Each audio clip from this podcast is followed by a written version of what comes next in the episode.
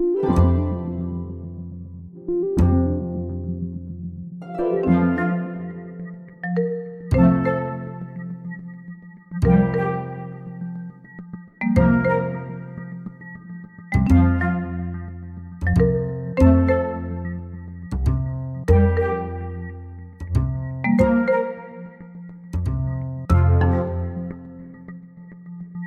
Kristina och välkommen till Försäkringssnack. Stort tack! Du är VD på Svensk Försäkring. Kan du berätta lite, vad är Svensk Försäkring egentligen? Svensk Försäkring är branschorganisation för försäkringsbolag och tjänstepensionsföretag i Sverige.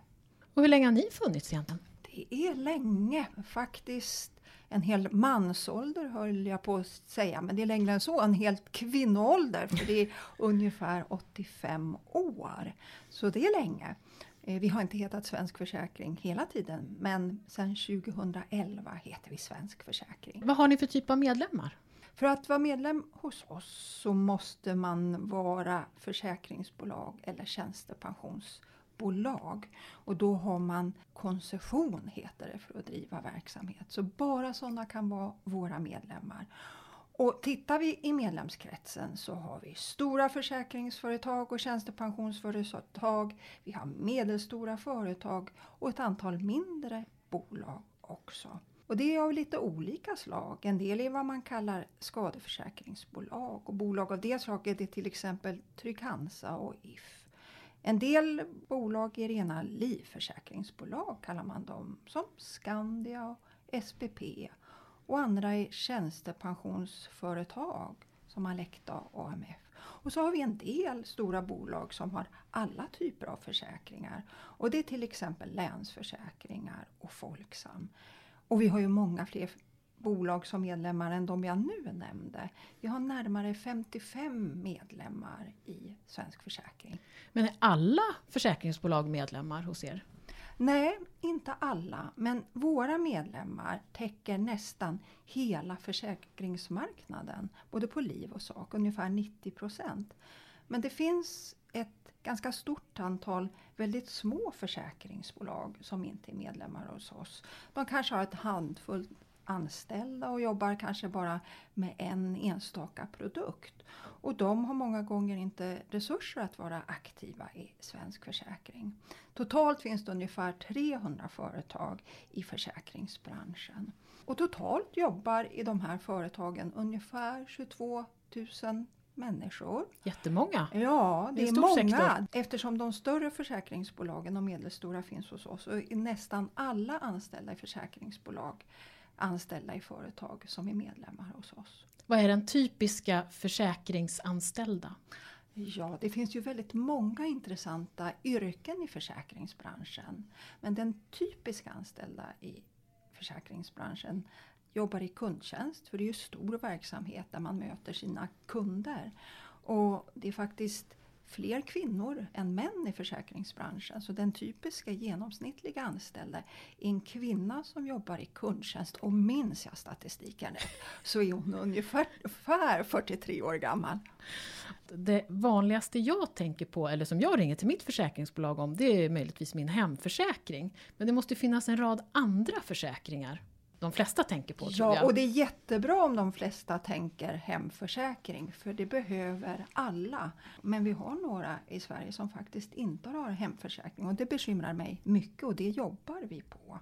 Utöver hemförsäkring finns förstås, som du säger, väldigt många olika försäkringar. Låt mig försöka sortera upp i, i vilken typ av försäkringar som finns. Man brukar ofta dela upp i det man kallar skadeförsäkring eller sakförsäkring och det man kallar livförsäkring. Om vi börjar med att titta på skadeförsäkring då. Ja, vad är det för typer av försäkringar? Ja, det är sånt som har med saker eller egendom att göra. Till exempel som du sa när man försäkrar sitt hem. Men också din bil, kanske om du har en båt. Men också försäkring för personer för dina barn, barnförsäkringar. Eller för djur. Och i det vi kallar skadeförsäkring, som jag alltså nyss har pratat om, så ingår också försäkring för företag och också av fastigheter. Så det är det ena sjoket av försäkringar, den ena kategorin. Den andra är livförsäkringar. Och det är försäkringar som är till för att ge ekonomiskt skydd om du blir sjuk, om man avlider eller när man går i pension. Och det här med pension kan vi stanna till i ett ögonblick. För pensionsförsäkringar, de innehåller kan man säga två olika moment. Det ena är ett sparande moment. Du sparar under din yrkesverksamma tid till din tid som pensionär. Men när du går i pension så vet du inte riktigt hur länge du kommer att leva. Och det är väl skönt på många sätt att vi inte vet. Men vi vet inte om vi blir 90-95 år eh, och därmed behöver den här mängden pengar ganska, räcka ganska länge. Eller om, om vi kanske slutar våra dagar ganska snart efter pensioneringstiden. Och eftersom det är osäkerhet kring hur vi lever så skapar man en försäkringslösning som vi kallar en försäkring för ett långt liv, eller ibland mot ett långt liv. Så att vi ska ha ersättning även om vi blir riktigt gamla. Så det här är alltså de försäkringskategorier som finns. Och Det kan vara värt att säga också att det är ju frivilligt att teckna sådana här försäkringar. Men det är inte alla försäkringar som är frivilliga? Nej, det är det inte. Och de flesta försäkringar är, är, är på många sätt väldigt nödvändiga att ha. Men det finns en typ av försäkringar som faktiskt måste tecknas.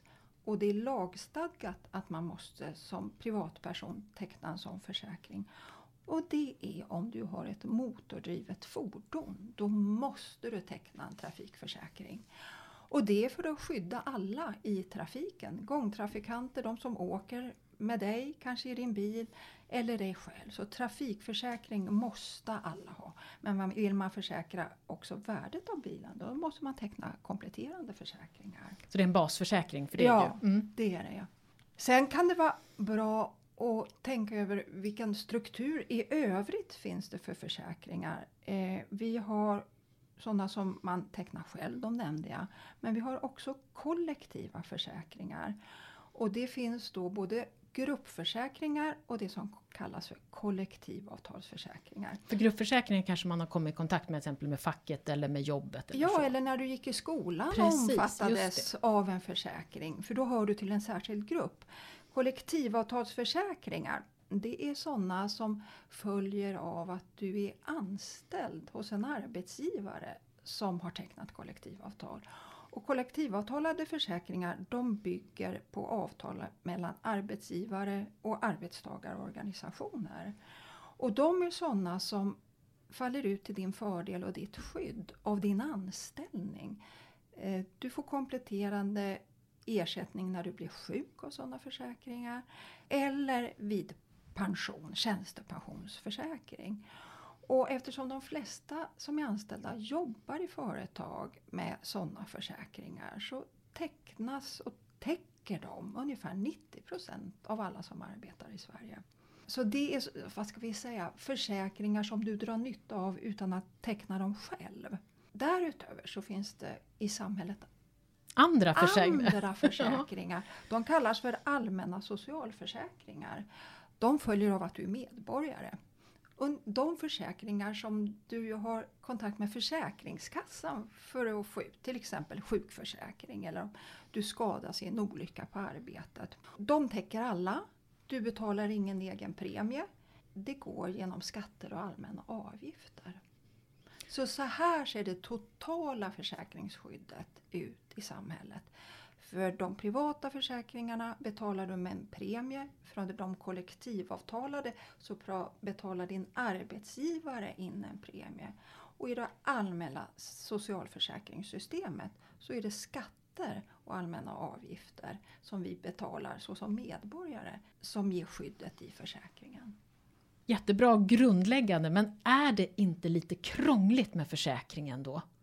Ja, i delar är det krångligt eh, därför att försäkringen ska täcka så många olika typer av risker eh, och vara solida och fungera i alla sammanhang. Men grundtanken är väldigt enkel.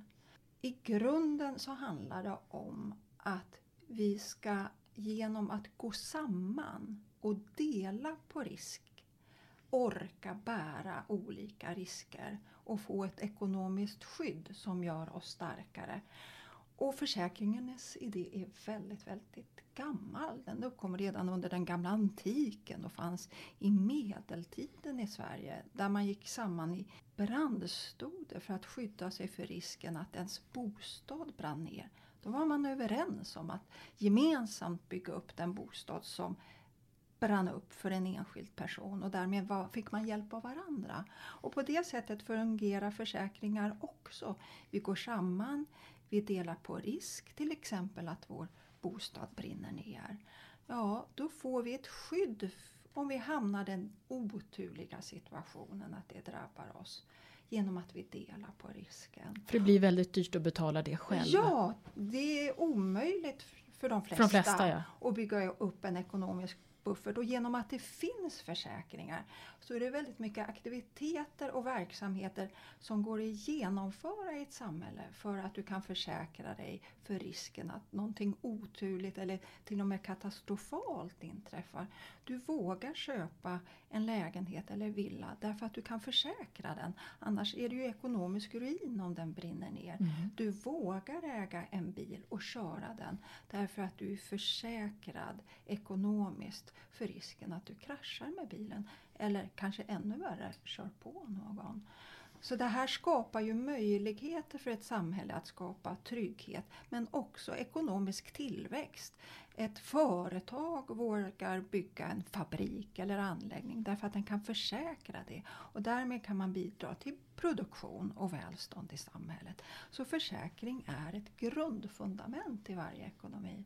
Man får ju känslan här att det är väldigt många olika frågor. Då undrar man hur många personer är vi på kontoret? Vi är knappt 25 anställda.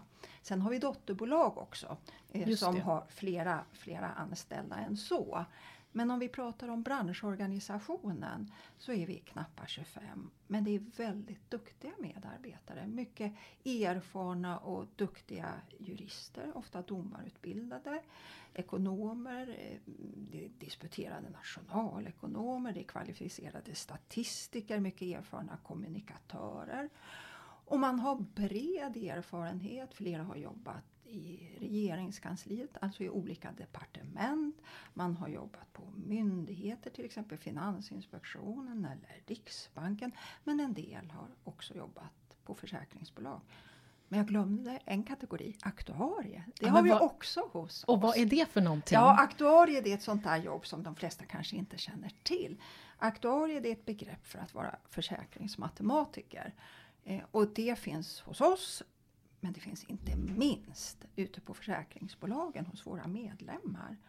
Och varför behövs det då kanske någon undrar? Jo men försäkring handlar ju om att hantera och prissätta risk.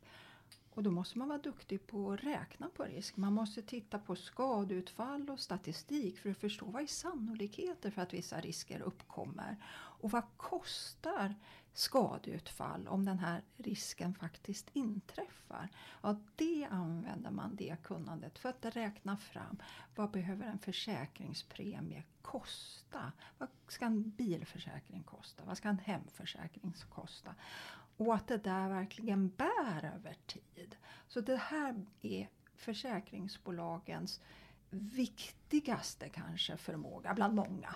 Men oerhört viktigt att förstå och räkna på risk.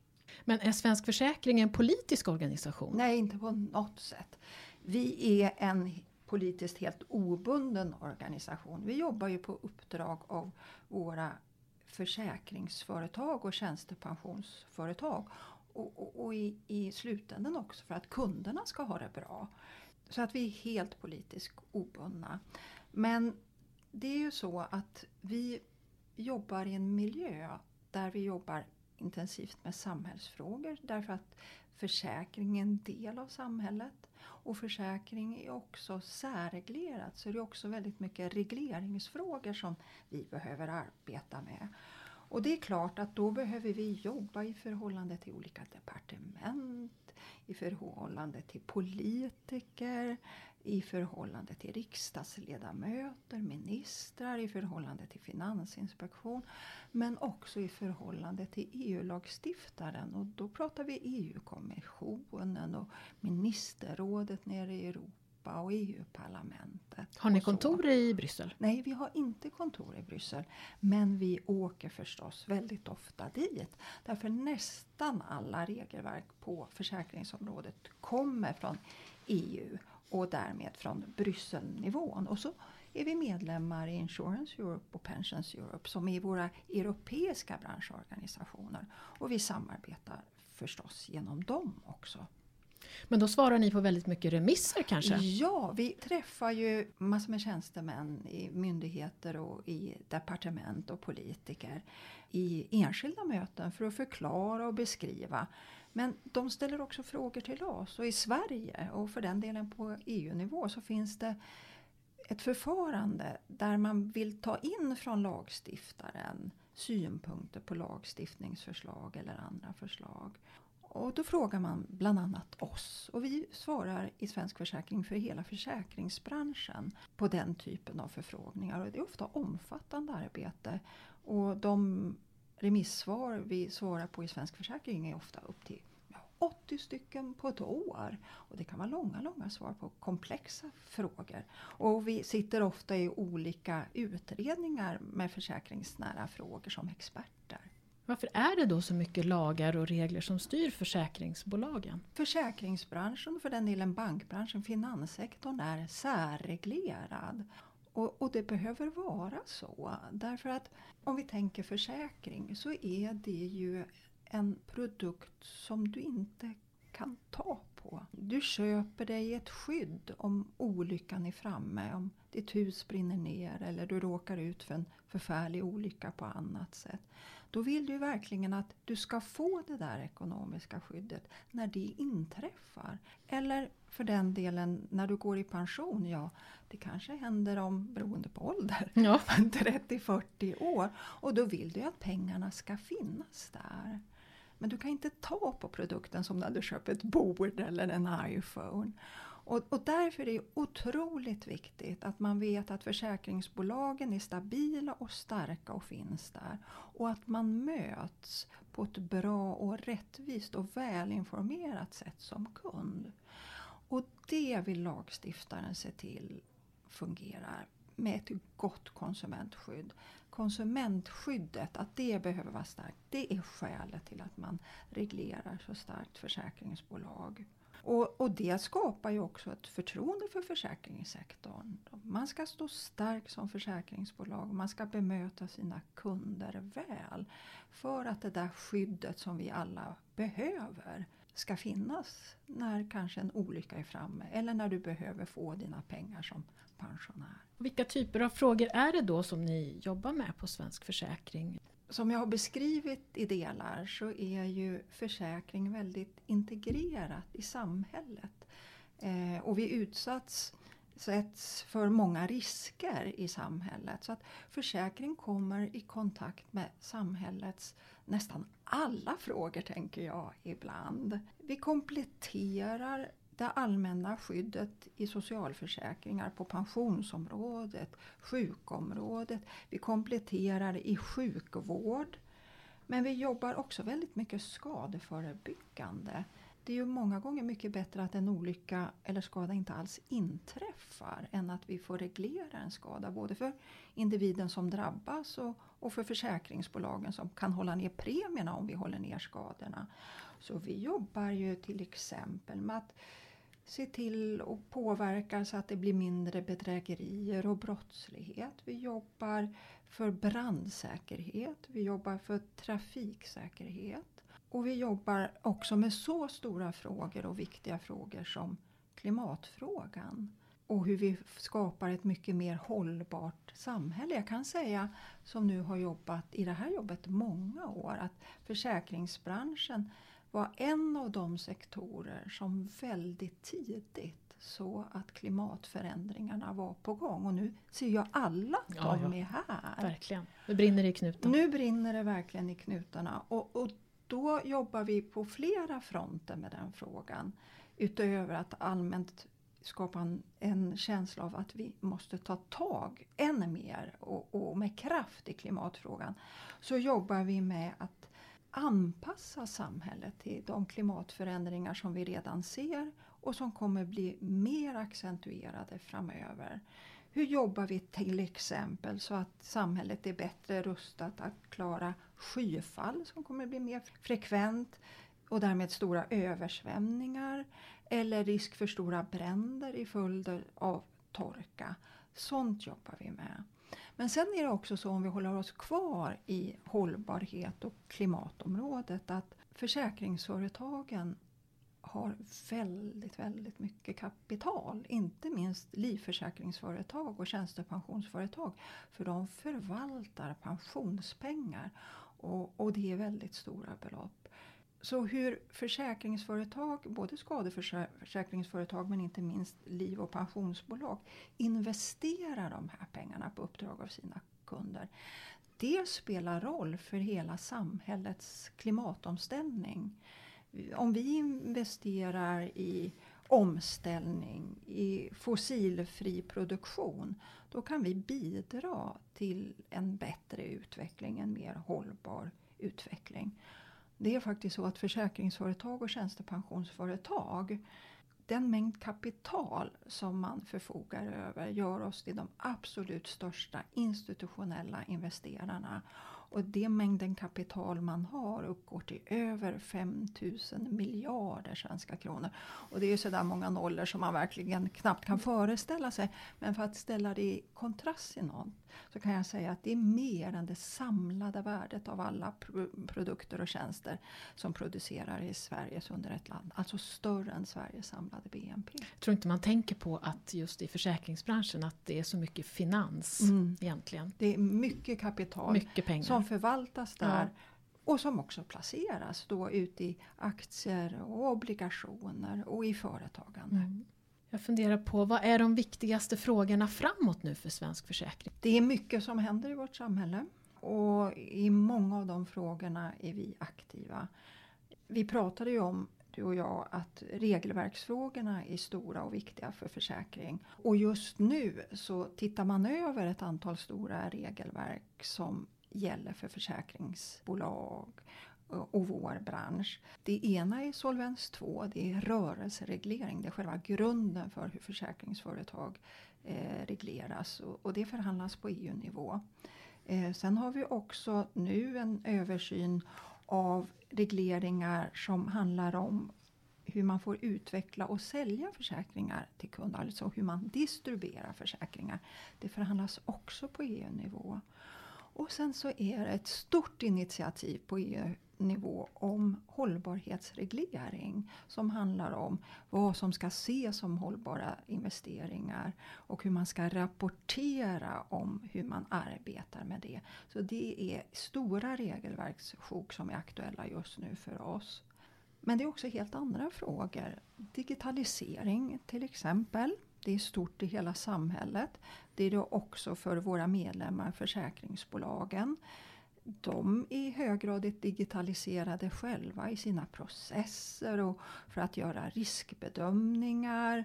Men också för att kunna utveckla försäkringsprodukter och, och också möta sina kunder allt mer digitalt. Och, så vi jobbar mycket med de frågorna och det är nu också aktuellt på EU-nivå att titta på regelverk kring digitalisering. Eh, och för övrigt faktiskt så har vi egna dotterbolag Svensk Försäkring som erbjuder digital infrastruktur. Så digitalisering är ju inte bara relevant förstås för försäkringsbranschen och därmed för oss men hela samhället. Och digitalisering erbjuder ju enorma möjligheter, det vet vi.